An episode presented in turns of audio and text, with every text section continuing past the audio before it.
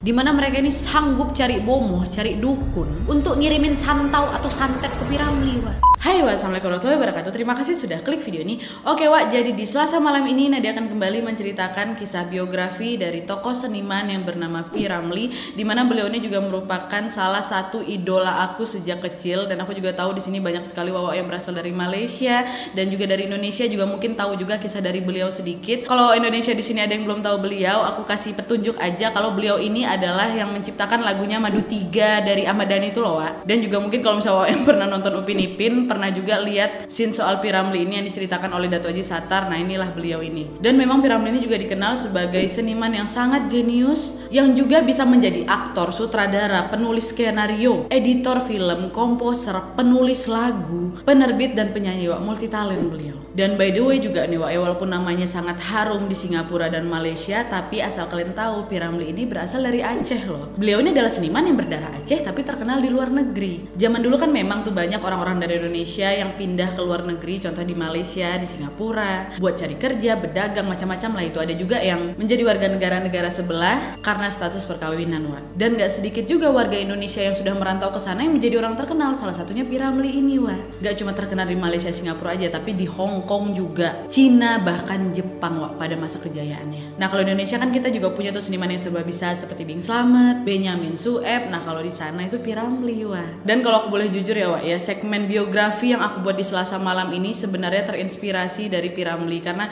aku tuh pengen banget menceritakan soal Piramli tapi nggak ngerti mau taruh di hari apa atau di segmen apa jadi akhirnya aku buat segmen baru lagi karena menurutku pribadi banyak sekali tokoh-tokoh dunia yang kadang juga kita lupakan yang sebenarnya mereka ini sudah mengharumkan nama negara mengharumkan budaya di tempat mereka. Tapi sayangnya makin berkembangnya zaman, karya-karya yang bukan hanya dari Piramli aja banyak juga karya-karya dari seniman lainnya yang sudah mulai terlupakan, Wak. Padahal kisah beliau ini yang harusnya pertama kali aku angkat, tapi makin aku baca materinya aku tuh kayak makin baper tuh loh, Wak. Jadi kayak aku jujur ini agak sentimental aja mau bahas beliau karena beliau ini idola aku dari dulu, tapi di akhir hayatnya tuh nggak mengenakan gitu. Beliau ini bisa dikatakan salah satu seniman yang terlupakan gitu jadi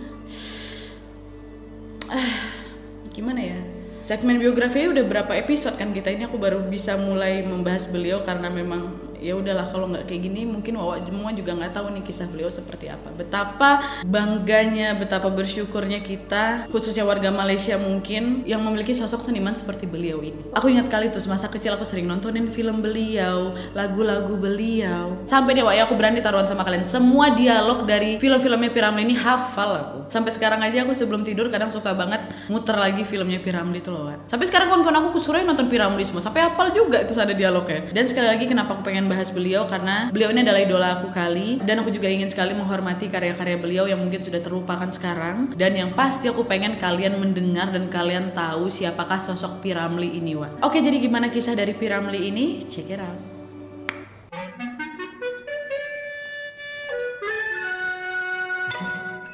Oke Wak, jadi Piramli ini memiliki nama lengkap Tengku Zakaria bin Tengku Nyak Putih. Beliau lahir pada tanggal 22 Maret 1929 di pagi hari raya Idul Fitri di Pulau Pinang, Malaysia. Seperti yang aku kasih tahu tadi, Ramli ini memiliki hubungan darah yang kuat dengan Indonesia karena ayah beliau Tengku Nyak Putih ini berasal dari Lok Sumawe Aceh Wak. Sementara ibunya yang bernama Cemah Yusen berasal dari Butterworth, Malaysia. Dan orang tua Piramli ini menikah pada tahun 1925 di Kubang Buaya, Butterworth Malaysia wah. Lah kan namanya Tengku Zakaria Nat kenapa dipanggil Piramli? Jadi sebenarnya Ramli itu adalah nama samarannya yang sudah lama dia gunakan pada masa dia sekolah. Sementara Pi, Pi itu adalah singkatan putih. Selain itu juga merupakan nama ayah beliau, nama tersebut juga lazim digunakan di Aceh sampai saat ini wah. Dan by the way juga ayahnya Piramli ini bekerja sebagai pelaut di Lok Sumawe sampai akhirnya beliau ini merantau dan tinggal di Malaysia wah. Terus Wak Piramli ini menempuh pendidikan dasarnya di Sekolah Melayu Kampung Jawa di Pinang dan kemudian lanjut di Francis Light School dan kemudian Piramli melanjutkan pendidikan SMA-nya di Penang Free School hingga meletusnya Perang Dunia Kedua, Wak.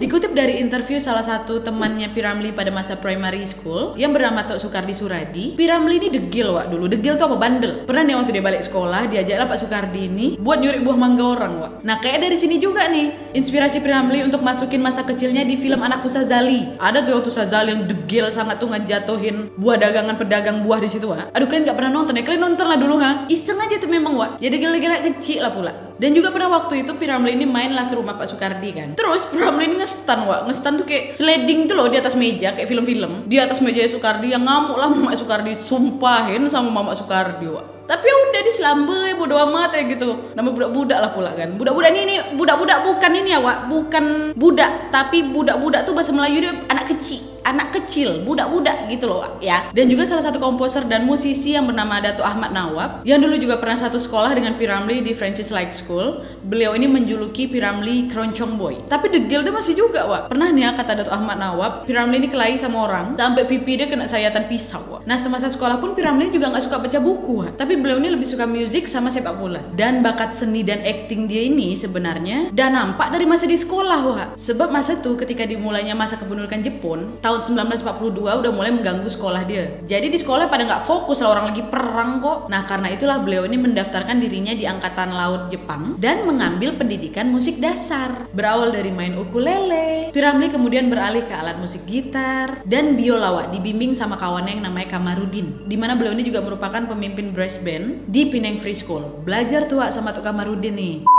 Nah, kemudian di tahun 1945, minat besar dalam musik yang menggerakkan dirinya untuk masuk ke Taruna Sekampung, band yang isinya anak-anak muda sekampung tuh, dan Sinaran Bintang Sore, wah. Mereka dari situ mencoba mengaransemen lagu, ikut lomba nyanyi dan menulis lagu, dan bahkan dari situ juga Piramli ini sempat juara tiga pada kontes lagu Radio Pineng, wah. Dan pada tahun 1945 itu juga lah Piramli ini menulis lagu ciptaan dia yang pertama kali berjudul Azizah. Katanya juga lagu ini dia tulis untuk pujaan hatinya yang bernama Aziza. Terus lanjut nih Wak, di tahun 1946 Ramli ini main bersama Orkes Mutiara di Pineng. Terus ikut lomba lagi di Radio Pineng uh, juara dua Wak, tadi juara tiga, nah ini juara dua. Terus dia juga bergabung di grup barunya bernama Pemuda Indonesia Keroncong Party dan beliau pun kembali menang di kontes keroncong di Malaysia itu Wak. Terus nih di tahun 1947 Piramli akhirnya jadi juara satu lomba nyanyi Radio Pineng. Tadi jadi juara tiga, juara dua, juara satu langsung Wak dan juga terpilih menjadi bintang penyanyi utama Malaya.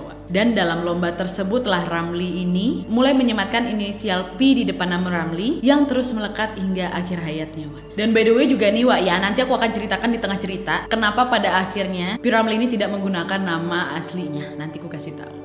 Nah, sampailah akhirnya Piramli ini berhasil menarik perhatian seorang sutradara ketika Ahmad Si atau Muhammad Abdul Hamid yang jadi Kasim Selamat palsu. Kalau kalian pernah nonton Ibu Mertuaku nih ha, nah, itu yang jadi Kasim Selamat palsu. Jadi nih ya, Ahmad Si inilah orang pertama yang katanya menemui bakat Piramli waktu Piramli ini lagi mentas di Bukit Mertajam di Pulau Pinang pada tahun 1947. Nah, ketika itu Ahmad Sini langsung menemui sutradara BS Rajans yang diutus oleh pihak studio untuk hadir ke beberapa pentas untuk mencari talent-talent baru. Akhirnya dari situlah Ahmad Si ini meminta BS Rajans untuk merekrut Piramli sebagai penyanyi di Jalan Ampas dan akhirnya BS Rajans ini menulis sebuah memo dan diberikan ke Ahmad Si untuk disampaikan ke Piramli di belakang pentas.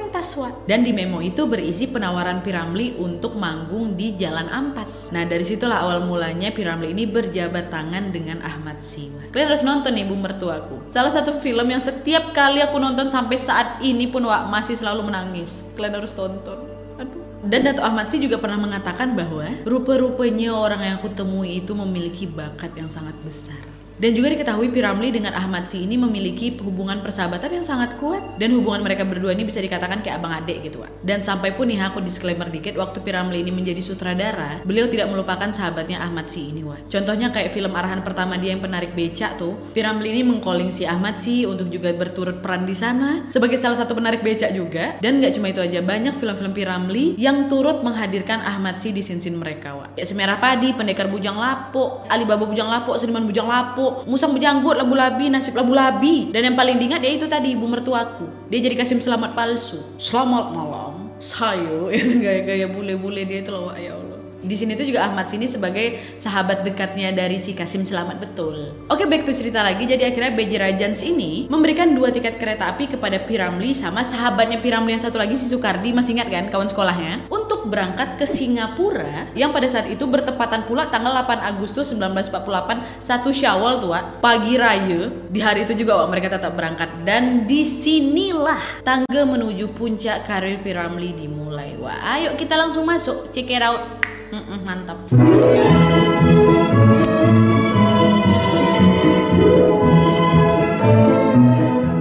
Nah jadi Wak Piramli ini mulai menjadi aktor besar ketika dia berusia 19 tahun. Pada tanggal 8 Agustus 1948 itu, waktu dia berangkat ke Singapura sama Soekardi, kan mereka nih hijrah ke Singapura pakai tiket yang udah diberikan oleh si Rajens tadi kan. Dan pada hari Idul Fitri itulah untuk bergabung di Malay Film Production di Jalan Ampas tadi. Dan by the way, studio Jalan Ampas ini dibentuk oleh Shaw Brothers yang akhirnya berubah nama menjadi Shaw Studio. Akhirnya udah sampai sana mereka berdua ini dites lah kemampuan mereka. Tapi sayangnya kawannya Soekardi itu nggak lolos, Wak. Jadi dia balik kampung lah ke Pineng lagi. Nah Piramli nggak balik, Wak. Dia melakukan pekerjaan yang berhubungan dengan kecintaannya terhadap sinema dan musik. Mulai dari runner, ngebantuin ngangkat-ngangkat barang, barang peralatan syuting tuh, ha. Jadi clapper boy, megang lighting, tukang gulung kabel semua dikerjain sama dia. Nah dari sinilah Piramli ini mulai belajar soal film dan dia juga melihat cara karyawan-karyawan di sana untuk menghasilkan sebuah film, Wak. Dan berkat kesabarannya akhirnya Piramli ini mendapatkan peluang untuk memainkan peran pembantu di film pertamanya pada saat dia usia 19 tahun itu pada tanggal 31 Oktober 1948 berjudul Cinta. Wak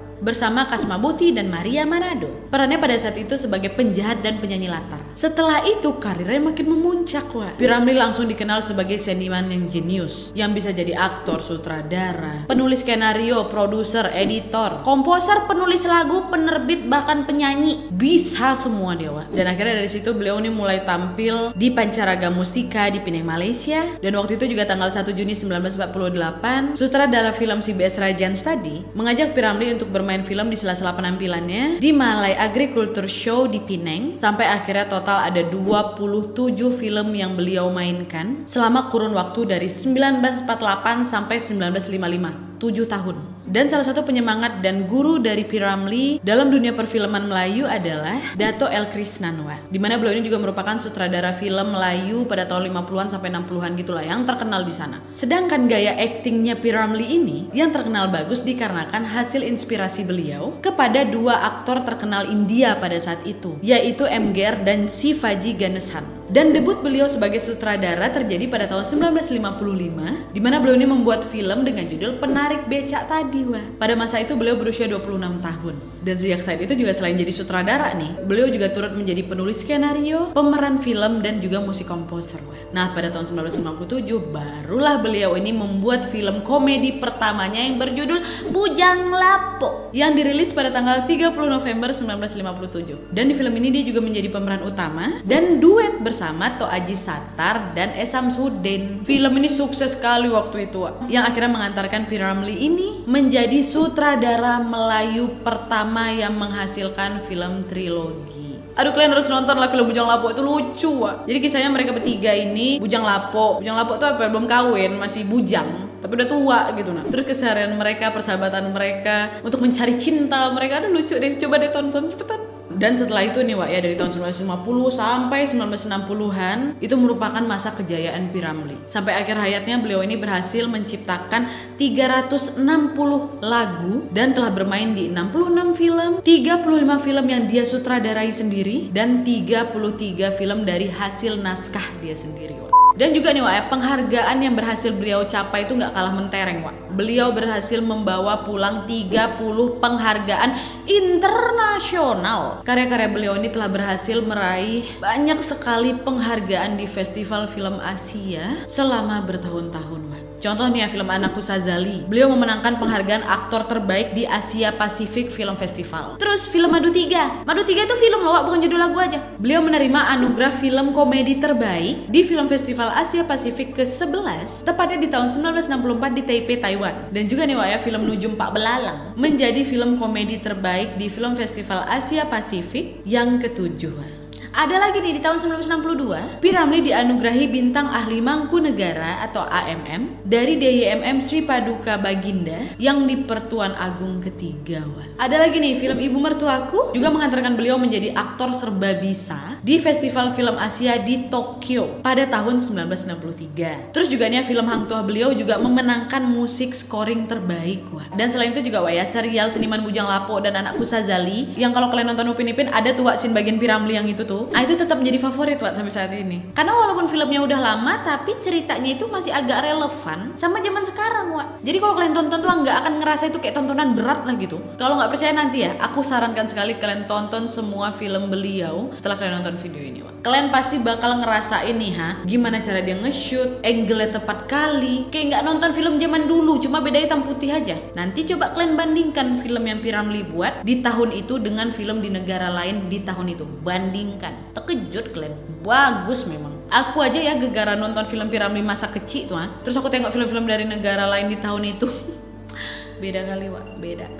Beda. Kalian harus tonton pokoknya dan juga ya Wak ya sebenarnya karya-karya beliau ini kebanyakan drama komedi memang Wak. Dan kadang juga suka disisipkan sedikit sentilan politiknya Wak. Dan bahkan ada juga nih Wak ya selipan bahasa Jawa yang kadang ngaco itu loh Wak. Ada dia waktu itu di segmen Alibaba Bujang Lapo. Jadi kisahnya para penyamun itu kan sembunyi dalam gua kan. Nah di gua itu ada pintu Wak. Pintu yang bisa dibuka tutup pakai mantra bahasa Jawa. Tapi ngaco Wak. Kayak cara buka pintunya nean ngensong mata kaji semar ngiseng gitu. Mohon maaf nih Wak ya kalau gue bilang ngising-ngising itu kan pup kan? Terus nanti cara tutupnya rampong ngising semar tilem lepas berak tidur gitu lah kacau memang. Dan selain itu juga film karya beliau juga ada yang kontroversi Wak. Karena pernah Piramli itu terlalu cross the line gitu. Di mana di filmnya Alibaba Bujang Lapo itu beliau ini menggabungkan logat Arab dengan Melayu. Yang membuat pada saat itu beberapa pihak ada yang tersinggung. Bahkan waktu itu juga beliau hampir aja di ban oleh lembaga penafsiran film film Wak. Yang terpaksa akhirnya film Alibaba Bujang Lapo yang mungkin udah pernah kalian tonton itu didubbing ulang untuk meminimalisir logat Arab yang ada di film tersebut. Nah makanya kalau misalnya kalian agak sadar tuh di film Alibaba Bujang Lapo pasti kalian ada ngeh kan ada beberapa dialog yang kayak miss gitu antara gerak bibir sama suaranya. Yaitu Wak Gegara didubbing ulang. Dan juga beliau ini pernah menyindir dengan mengatakan bahwa kekayaan dan kebahagiaan bukan berasal dari tangan pemimpin tapi dari tangan Allah. Di film Ahmad Albab yang waktu abahnya terakhir nanya tuh loh yang abahnya kaget. Dia yang dari awalnya miskin jadi kaya. Macam mana kau nih mulai kaya syawal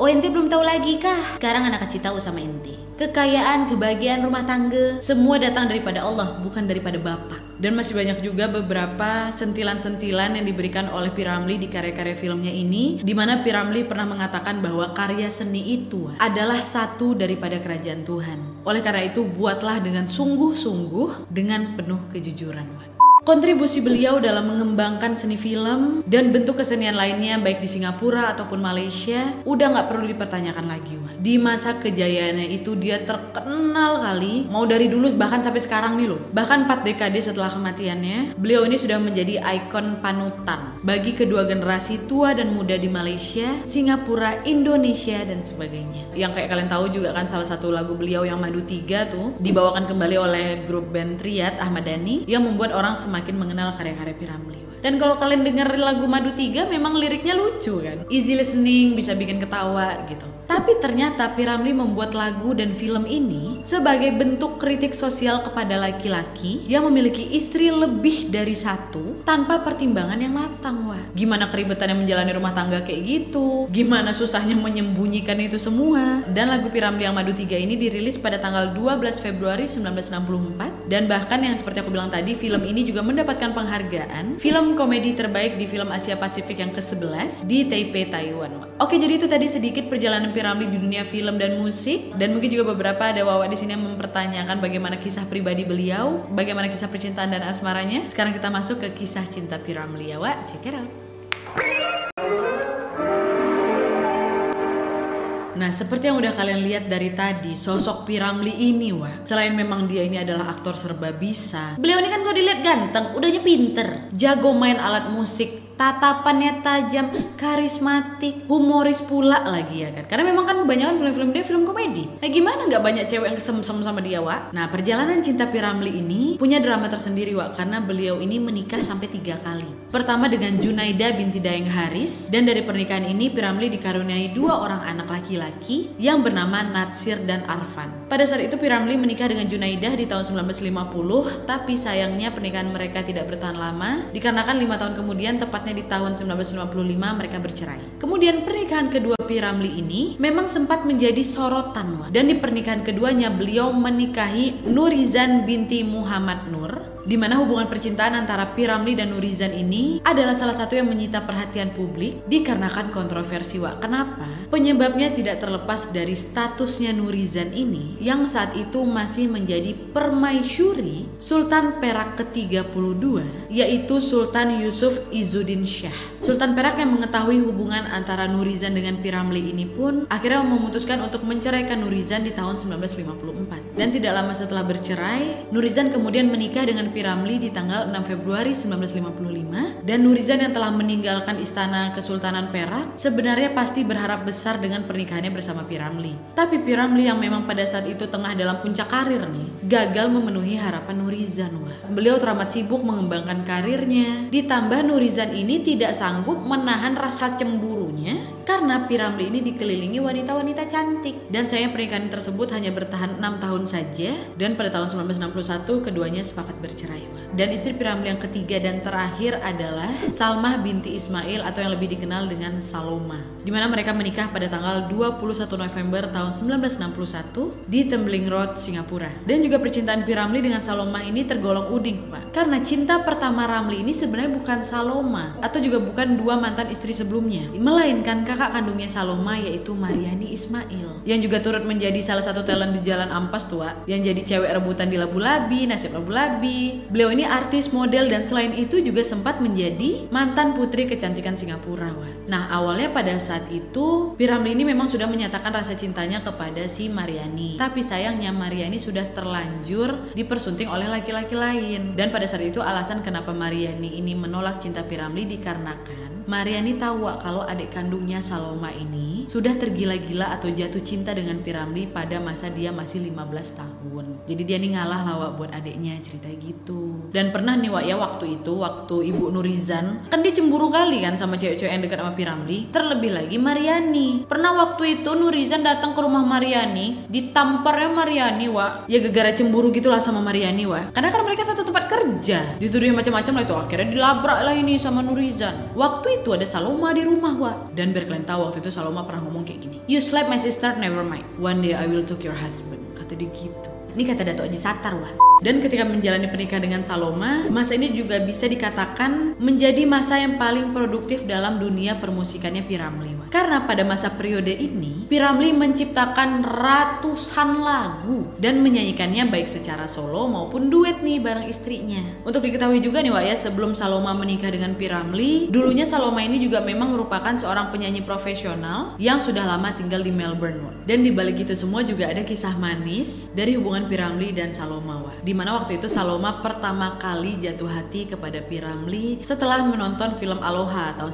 1950 yang pada saat itu Saloma ini masih berusia 15 tahun tadi itu loh. Dan dalam film Aloha tersebut Piramli memainkan peran sebagai banjo dan Piramli ini menyanyikan 5 dari 9 lagu yang ada di film itu. Dan salah satunya beliau ini berduet dengan biduan R. Azmi untuk lagu yang berjudul Penawar Hati Nah, watak Banjo dalam lagu Penawar Hati itu telah membuat hati Saloma terpanah dan dari situlah beliau ini berniat untuk menikahi Piramli suatu hari nanti. Dan saat itu juga Saloma dalam satu wawancaranya di majalah film mengatakan Piramli merupakan cinta pertama dalam hidupnya. Dan bahkan juga Saloma pernah mengatakan, jika saya mati dan kemudian saya hidup lagi, saya tetap tidak akan bisa menemukan suami sebaik Piramli. Oh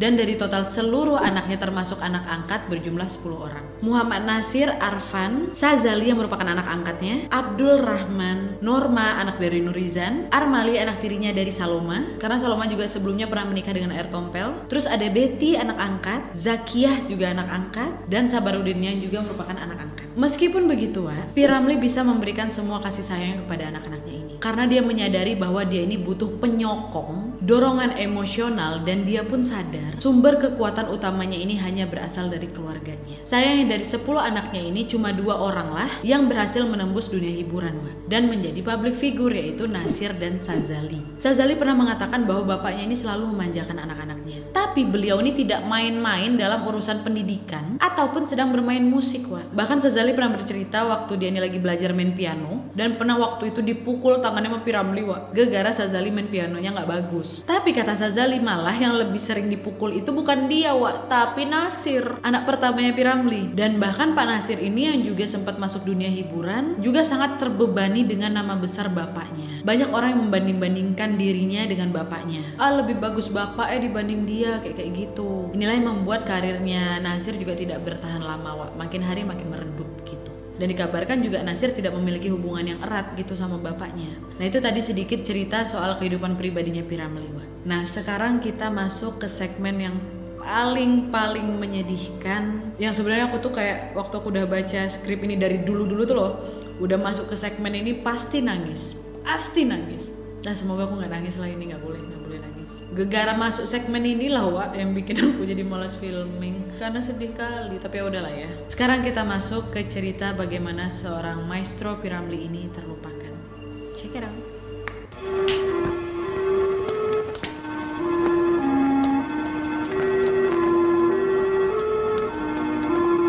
Nah jadi Wak sebenarnya juga seperti yang kalian tahu film-film yang berhasil dihasilkan oleh Piramli memang film-film yang masih hitam putih belum ada warnanya. Karena waktu itu juga film berwarna baru ditemukan di Amerika. Mulai di tahun 1930-an tapi teknologinya baru ada di Amerika. Kalaupun memang Piramli ini memakai teknologi film berwarna bisa sebenarnya. Tapi budgetnya mahal kali Wak. Belum sanggup mereka pada saat itu. Tapi cita-cita Piramli pengen film Malaysia juga sama majunya dengan film Amerika. Yang juga bisa berwarna gitu Wak. Dan biar kalian tahu salah satu pemicu turunnya karir Piramli ini gara-gara ini. Popularitasnya Piramli ini bahkan menjadi awal pemicu keirian dari sutradara-sutradara lain kepada Piramli.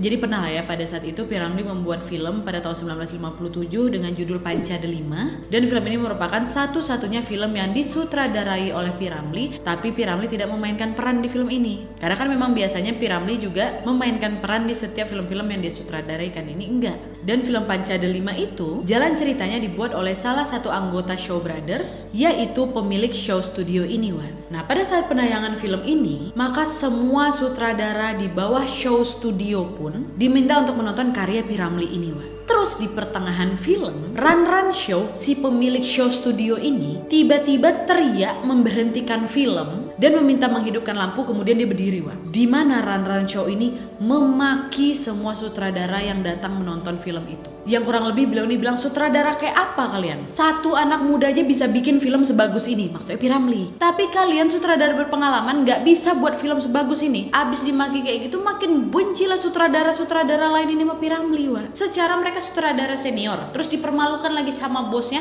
di depan si Piramli langsung. Karena memang Piramli ini juga merupakan anak emasnya Show Brothers. Karena kan memang karya-karya yang berhasil diciptakan atau dihasilkan oleh Piramli ini berhasil juga mendatangkan acuan ke kantong mereka ya kan. Di mana dari tahun itu sejak tahun 1957 sampai 1960 masih menjadi tahunnya Piramli. Wah. Karena karya-karya Piramli ini nggak melejit di Singapura aja, di Malaysia, di Indonesia, dan bahkan juga tidak bisa dipungkiri lagi kalau memang sosok Piramli ini juga sempat menjadi idola remaja Jakarta.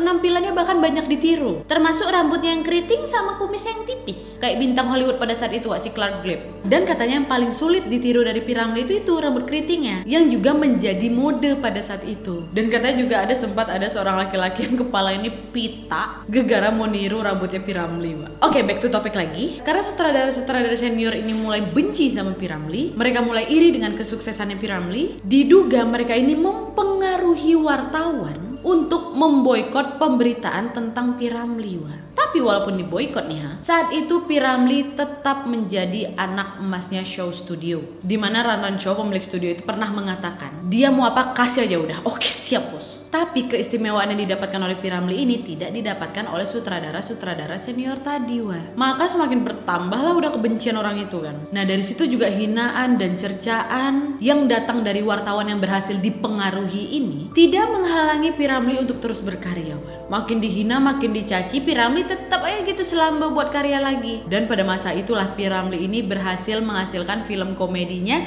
Bujang Lapuk tadi. Nah berhasil kan film Bujang Lapuk ini makin panas lah itu sutradara yang lain. Nggak Bujang Lapuk aja kan banyak lagi tuh penghargaan yang dia dapatkan inilah yang mengantarkan Piramli ke puncak popularitasan bahkan ya ada seorang sutradara yang berasal dari India mengatakan hanya ada satu film yang mampu melengsarkan film Hindustan dan itu adalah film karya Piramli.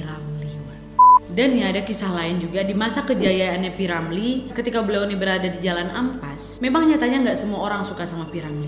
Bahkan sejak hari pertama dia menginjak studio Jalan Ampas itu sampai dia hijrah nanti ke Malaysia, Wak, dia masih punya musuh. Dulu pernah ya waktu El Krishnan ngenalin Piramli ini ke khalayak ramai dengan sebutan hero di film Bakti pada tahun 1950. Wih makin banyak lagi tuh orang yang rame benci sama si Piramli. Dan yang bikin kaget juga Wak ya sebenarnya katanya musuh-musuh Piramli itu bukan hanya dari sutradara-sutradara senior itu aja. Melainkan teman-temannya sendiri Wak. Dan makin Piramli naik makin banyak juga musuhnya. Konon katanya nih ya ada usaha jahat yang dilakukan oleh beberapa pemeran di show studio itu. Di mana mereka ini sanggup cari bomoh, cari dukun untuk ngirimin santau atau santet ke Piramli. Wah. Ini dikarenakan sikap iri dan dengki kepada Piramli yang pada saat itu sedang dalam puncak karirnya. Nah tapi anehnya santau itu atau santet itu nggak nyampe ke Piramli. Wah. Tidak berpengaruh apa-apa ke Piramli. Abis itu mereka heran kan, loh kok nggak kena ya? Mereka cari lagi bomoh lain, wah dikerjain Piramli, nggak kena juga. Cari ke mana-mana lagi, tetap nggak mempan. Dan akhirnya mereka pun menemukan jalan buntu untuk bisa menjatuhkan Piramli karena tidak ada satupun dukun atau bomoh yang berhasil ngerjain si Piramli ini. Bahkan ada ya katanya dukun yang sakti kali dia keturunan Boyan katanya, nggak sanggup ngirim sesuatu sama Piramli ini. Masing-masing dari mereka jadi heran kan, ini kenapa ya Piramli nggak bisa kena? Dia ini punya ilmu apa? Nah terus dari beberapa sumber yang lumayan dekat sama Piramli pernah mengatakan dulu itu mereka ini sempat nanya sama Piramli memang wah. Mereka ceritalah ke Piramli kalau memang dulu di Jalan Ampas anak ini anak ini anak ini sempat mau guna-gunain kau katanya. Tapi kok nggak mempan Ram? Ada ilmu yang kau pelajari kata dia nanya ke Piramli wah. Terus Piramli jawab apa? Mana ada ilmu apa-apa? Allah melindungi aku katanya mereka kan nak santau Piramli, bukan aku, kata dia gitu. Nah ini kalau kalian ingat kenapa pada akhirnya dia ini dinamakan Piramli dari awal dia masuk ke jalan ampas. Gegara ini wa, inilah pesan dari ayahnya. Betul kan mereka kirim santau ke Piramli, bukan ke Tengku Zakaria yang memang merupakan nama aslinya Piramli. Nah, jadi memang ternyata nih Wak ya selama 25 tahun Piramli ini menyelami dunia hiburan, tidak ada satu orang pun yang tahu nama aslinya Piramli. Semuanya dari kalangan rekan-rekan artisnya di Singapura Malaysia nggak ada yang tahu nama aslinya Piramli itu Tengku Zakaria. Mereka tahunya nama asli Piramli itu yaitu Piramli Putih Ramli itu aja. Kenapa Wak? Ternyata inilah pesan bapaknya tadi. Di mana ayah Piramli ini berpesan sebelum Piramli ini hijrah ke Singapura dari Pulau Pinang pada tanggal 8 Agustus 1948 tadi sama Pak Soekardi tadi tuh ha, ayahnya berpesan agar tidak memakai nama aslinya apabila kamu mau menjadi seniman. Demi apa? Demi menjaga keselamatan dirinya dan tubuhnya, Wak. Ain dari gini-gini nih. Ya iyalah nggak sampailah mantra itu ke si Piramli. Orang namanya bukan Piramli kok, namanya Tengku Zakaria. Dan juga sebenarnya nama aslinya Tengku Zakaria ini baru diketahui oleh publik ketika imam membacakan talqin di pemakamannya, Wak. Jadi nggak terus lancar aja karir dia wah. Ya pastilah kan makin tinggi pohonnya, makin kuat juga angin yang menerpa. Inilah yang memang dialami Piramli pada saat menuju bahkan saat sudah mendapatkan kepopularitasannya. Ada ya cobaannya gitu. Eh, cobaan. Nah, terus Wak di tahun 1964, karena memang cita-citanya Piramli ini ingin menghasilkan film berwarna, Piramli ini makin obsesi gitu Wak untuk bisa membuat film berwarna pertamanya. Kemudian datanglah ini tawaran dari Merdeka Film Studio yang mengatakan kepada Piramli bahwa mereka ini sanggup mengeluarkan dana besar untuk membantu mewujudkan obsesinya dan bakal ngasih apa pun yang kamu mau. Kamera terbaru oke, okay. teknologi terbaru siap, kru profesional? Pasti. Karena pada saat itu juga Shaw Brothers tidak mampu menyanggupi obsesinya Piramli ini untuk membuat film berwarna. Akhirnya ya udah setelah Piramli ini menyelesaikan film terakhirnya di Shaw Brothers yang berjudul Tiga Abdul Piramli pun menerima tawaran dari Merdeka Film Studio yang pada saat itu berada di Malaysia. Dan beliau hijrah lagi lah itu dari Singapura ke Malaysia Dan harapan beliau pada saat itu juga setelah Denny pindah ke Malaysia, wartawan-wartawan yang tadi mencemooh dia bakal bisa berhenti gitu Wak. Dan akan mulai bisa menghargai karya-karyanya. Tapi ternyata enggak Wak. Emang ya kalau orang udah sekali dibenci, mau kita ngelakuin apa aja pasti nggak ada bebeknya. Ya itu juga yang dialami oleh Piramli Wak. Tapi beliau tetap tabah dan tetap terus berkarya seperti biasanya. Nah terus ketika pindah di Merdeka Film Studio tadi, ternyata semua tawaran yang ditawarkan sama mereka zong. Tidak seperti apa yang mereka katakan. Lokasi studio milik mereka ini jauh terpencil dan bahkan berdekatan dengan kebun binatang. Sampai-sampai Piramli itu pernah nyeletuk kayak gini, Wan. Bisa-bisa kita mati dimakan harimau sini nih. Mungkin karena ini juga adalah film pertama Piramli di Merdeka Film Studio diberi judul Sitora Harimau Jadian, Wan. Nggak sesuai harapan akhirnya. Zong semua dikasih. Dan selama berada di Merdeka Film Studio, Piramli ini menghasilkan 18 film, tapi nggak ada satupun yang berwarna. Dan tidak ada satupun yang masuk box office seperti film-filmnya terdahulu di show studio. Penyebabnya apa? Yaitu alat-alatnya nggak bagus, nggak selengkap seperti apa yang ada di show studio. Peralatannya juga jadul, Wak, ketinggalan zaman, dan juga kru yang kurang berpengalaman. Kemudian karena persaingan besar di tahun 1960-an, masuklah itu pengaruh film-film Hollywood, India, Cina, Indonesia bahkan, dan mulai juga populernya band-band nih kayak The Bee Gees, The Beatles, The Rolling Stones, lewat lagu-lagu berirama pop, rock, reggae, dan blues. Kayak jatuh ketimpa tangga Piramli ini, Wak. Semuanya makin menenggelamkan lagu dan film-film ciptaan Piramli. Ditambah lagi peran media yang terus menjelekkan Piramli sejak beliau ini keluar dari show studio. Bahkan pada saat beliau ada di Malaysia, di kampung halaman dia sendiri nih, ha, media tetap memojokkan Piramli Wak pada saat itu. Bahkan beliau ini pernah bercerita kepada sahabatnya bernama Dato Ahmad Nawab, di mana Piramli mengatakan dia sedih balik ke negaranya. Orang tidak menghargai dia, apa salah dan dosa dia? Penolakan terhadap karir acting, bernyanyi dan sutradaraannya, maka lengkaplah sudah penghinaan terhadap Piramli yang dulunya pernah menjadi bintang besar. Dan pernah nih Wak ya ceritanya pada saat kunjungan terakhir Piramli ke Singapura buat datang ke pesta film Asia Pasifik yang di mana pada saat itu Piramli datang untuk penghargaannya di film Laksmana Doremi yang juga ini merupakan film terakhirnya. Dan ketika beliau sampai di sana tidak ada satu orang pun dari delegasi Malaysia yang mengajak Piramli untuk duduk Wak. Yang ada Piramli malah nyari kursi sendiri. Dan ujung-ujungnya sahabat lamanya Dato Aji Satar yang ngajakin beliau duduk pada saat itu. Piramli juga pernah ngomong nih ke Dato Aji Satar, Jis, adakah mereka sudah tidak suka gua lagi? Kata dia. Gak cuma di situ aja, Wak. Pernah juga waktu itu Piramli ini diundang sama Dewan Bahasa dan Pustaka untuk konser Tri Ramli yang gabungin antara P. Ramli, A. Ramli, dan L. Ramli. Dan waktu saat giliran P. Ramli ini nyanyi, Wak, semua penonton tuh malah kayak ngebu, ngenyorain dia tuh loh. Disorain bahkan sebelum beliau nyanyi. Itu dikarenakan karena semua orang pada saat itu menganggap musiknya Piramli ketinggalan zaman pada saat itu. Dan juga sebenarnya nggak cuma Piramli aja yang disorakin, wah. Banyak juga artis Malaysia, Singapura yang turut disorain pada saat mentas. Dengan kata lain, mereka udah nggak mau lagi dengerin musik lokal. Karena apa? Karena mereka sudah terpengaruh sama musik pop barat. Dan dari sinilah Piramli baru sadar kalau zamannya sebenarnya sudah mau berakhir. Dan kemudian juga sempat pada tahun 1968, perusahaan EMI Record yang juga sebenarnya sudah banyak meraup keuntungan dari nyanyiannya Piramli ini memutuskan untuk mengakhiri kontraknya bersama Piramli. Piramli pada saat itu marah kali pada saat Mr. Devan, orang dari EMI Record ini, ngasih tahu beliau kalau lagunya udah nggak bisa diterima lagi dan suaranya sudah tidak diidolakan lagi oleh masyarakat. Nah dari situlah Piramli ini marah, bahkan dia ini bersumpah tidak akan mau bekerja sama lagi dengan perusahaan tersebut. Gak cuma Emmy aja, Wak. Perusahaan Shaw Brothers pun mengirimkan surat kepada Piramli bahwa kontrak Piramli tidak akan dilanjutkan. Dan kemudian di tahun 1972 sampai 1973 merupakan masa suram bagi Piramli. Wak. Tanpa ada tawaran bermain film, bernyanyi, sutradara, maka saat itu beliau jatuh miskin. Hingga Piramli ini harus bernyanyi pada pesta pernikahan bersama Saloma istrinya, menjadi MC, menjadi juru lomba, untuk bisa mencari uang. Tapi dikarenakan Piramli ini tidak suka menyusahkan orang lain, makanya dia ini nggak pernah bercerita kepada teman-temannya soal kebangkrutannya ini, Wak. Dan dalam satu kunjungan Dato Aji Satar, sahabatnya, beliau pernah bertandang ke rumah Piramli dan Saloma di Kuala Lumpur. Dan pada saat itu Dato Aji Satar terkejut ketika mendapati Piramli ini cuma makan nasi sama telur aja, Wak nggak ada lauk lain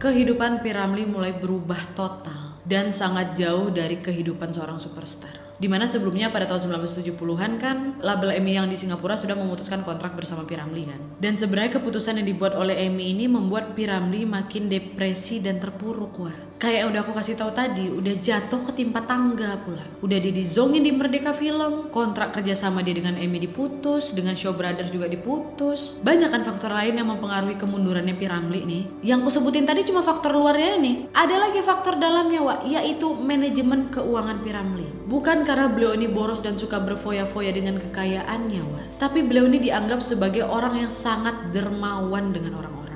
Kesaksiannya yang berasal dari kakak iparnya, Mariani Ismail pernah mengatakan, Piramli ini adalah orang yang tidak pernah tega melihat orang kesusahan. Dia tidak segan meminjamkan uang dengan jumlah besar kepada siapa pun yang memang sedang membutuhkan bantuannya. Tanpa pernah berpikir konsekuensinya, entah bisa diganti apa enggak, yang penting kasih aja lah dulu gitu. Pernah juga waktu itu Saloma istrinya bercerita ada nih orang datang ke rumah mereka minta uang untuk bisa pulang balik kampung.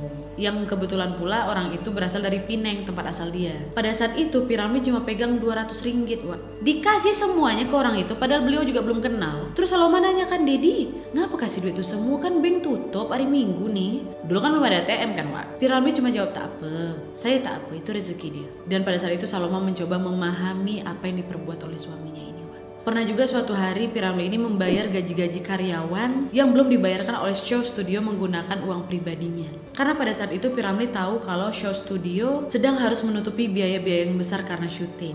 Nah karena itulah Denny pergilah ke bank diambil semua tabungannya untuk bisa membayar gaji-gaji karyawan. Bukan karena ini suka boros atau buang-buang duit sembarangan, tapi memang uang yang dia miliki itu selalu dia gunakan untuk bisa berbagi dengan orang. Dan sayangnya tepat pada tanggal 29 Mei 1973, P. Ramlee meninggal dunia di usianya yang masih 44 tahun. Pada saat itu Piramli meninggal ditemani oleh Saloma dan anak-anaknya dan Piramli juga sempat berpesan kepada anak-anaknya yang semua ada di sisinya supaya menjaga Saloma dengan baik jika memang ditakdirkan dia tidak ada lagi. Dan setelah beberapa menit kemudian Piramli diam tanpa kata-kata, tubuhnya tidak bergerak lagi. Yang pada saat itu juga Saloma dan anak-anaknya masih menduga sepertinya Piramli ini pingsan dan langsung memanggil ambulans. Tapi ternyata memang pada saat itu Piramli sudah meninggal dunia. Beliau meninggal di usia 44 tahun, wah. Usia yang belum terlalu tua untuk bisa menghasilkan karya-karya baru apabila mendapatkan dukungan. Tapi nggak ada pada saat itu orang yang peduli. Bahkan pernah juga muncul di koran kalau rumahnya Piramli ini mau dirobohkan. Kematiannya yang mendadak pun membuat publik Malaysia tersentak. Media-media di Malaysia yang awalnya enggan memuat berita soal Piramli pun tiba-tiba menaikkan berita besar-besaran soal Piramli. Perdana Menteri Tun Abdul Razak pun menyebut beliau tidak ada yang bisa menggantikan Piramli.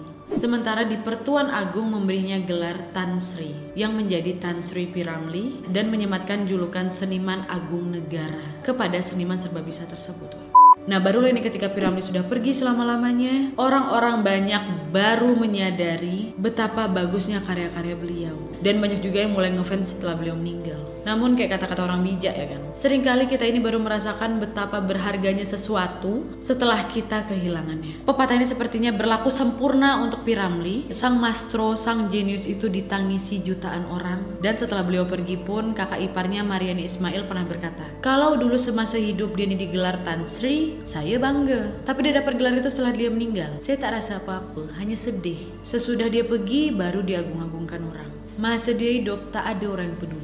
Itu kata Marian Ismail. Dan Saloma. Saloma adalah perempuan yang mendampingi Piramli bukan hanya pada saat sang maestro ini masih berjaya, Wak, tetapi juga pada saat sang maestro terpuruk. Dan di saat situasi krisis tersebut, Saloma sang istri setia mendampingi Piramli. Dan ketika akhirnya Piramli meninggal pada tahun itu, Saloma sempat mengatakan, "Jika saya mati dan kemudian saya hidup lagi, saya tidak akan menemukan suami sebaik Piramli." Dan Saloma akhirnya juga menutup usianya 10 tahun kemudian, tepatnya di tahun 1983. Dan sesuai permintaan beliau, Saloma dikuburkan di samping makam sang suami yang sangat dia cintai itu. Dan setelah kepergian beliau, banyak cara yang digunakan pemerintah Malaysia untuk bisa tetap mengenang jasa sang ikon industri hiburan Malaysia itu. Selain menyematkan gelar kehormatan Tan Sri di nama Piramli, rumah, aula, gedung, bahkan nama jalan di ibu kota Kuala Lumpur juga memakai namanya. Rumah kelahiran Piramli di kota Penang dijadikan objek wisata atau museum dan apabila sudah berada di situ seolah-olah aktor Malaysia yang legendaris itu seperti hidup kembali. Aku belum sampai lah ke sana, Yazid udah sampai. Aduh insya Allah ya aduh pengen kali eh. Dan juga sempat waktu itu pada tanggal 22 Mei 2017 Google memberikan penghormatan kepada sang legend dengan animasi doodle terbaru di halaman homepage mereka pada ulang tahun Piramli yang ke-88 dan banyak juga lah setelah itu generasi-generasi muda lainnya para penerus beliau ini selalu menjuluki beliau dengan nama pahlawan musik Malaysia Oke Wak, jadi itu tadi perjalanan My Legend, idolaku, panutanku, seniman terbaikku Tan Sri P. Ramlee. Aku ngerasa senang kali bisa bercerita soal beliau kepada kalian. Ini aku anggap sebagai penghormatan aku kepada karya-karya beliau yang sampai saat ini masih sangat melekat di diri aku pribadi dan pasti juga aku yakin melekat di diri kalian, khususnya warga Malaysia, Singapura, mungkin juga orang Melayu pasti tahu sekali dengan sosok beliau. Dan aku kayak pengen challenge aja. Kalau kalian suka nonton P. Ramlee, siapa pun ini mau Malaysia mau mana aja terserah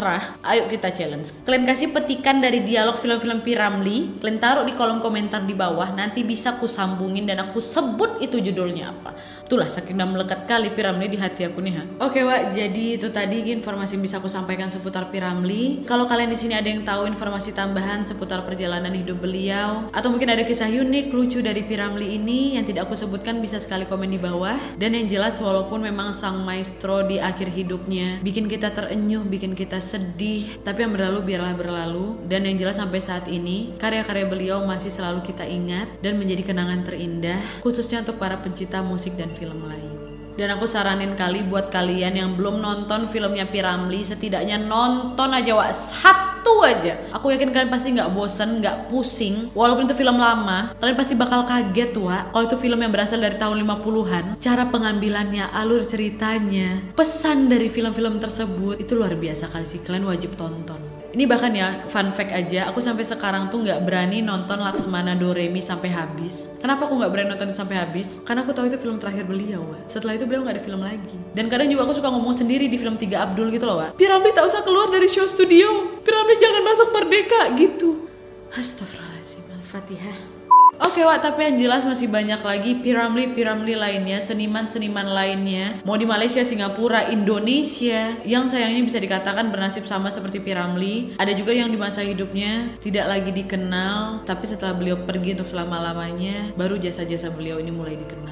Dan yang jelas juga sebenarnya Show Brothers ini menghasilkan banyaknya seniwan dan seniwati yang cukup terkenal juga Wak. Salah satunya Dato Aji Satar, Esam Sudin, Saloma, Sarimah, Mariani, Siti Tanjung Perak. Siapa yang jadi labi itu? Alamu Idris atau aduh siapa namanya ya? Zen, M Zen, Muhammad Zen. Terus yang lubang hidungmu tetap menjadi pujaan hatiku siapa?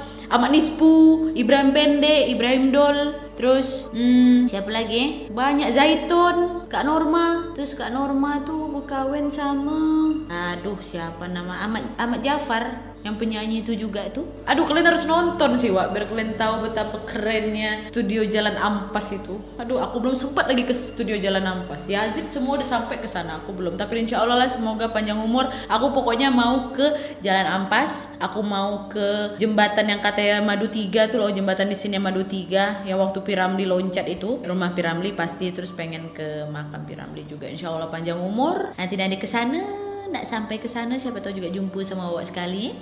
Mantap lah sudah. Oke okay. oke okay, jadi sekian dulu videonya. Terima kasih yang sudah menonton. Kalau kalian suka video ini klik like-nya. Jangan lupa komen di bawah untuk ide dan saran-saran untuk video selanjutnya. Jangan lupa nyalain notifikasinya supaya kalian tahu kalau aku upload video baru. And as always jangan lupa untuk klik tombol subscribe supaya kalian sama-sama tahu informasi menarik dan menegangkan dari channel aku. See you next video bye. Dunia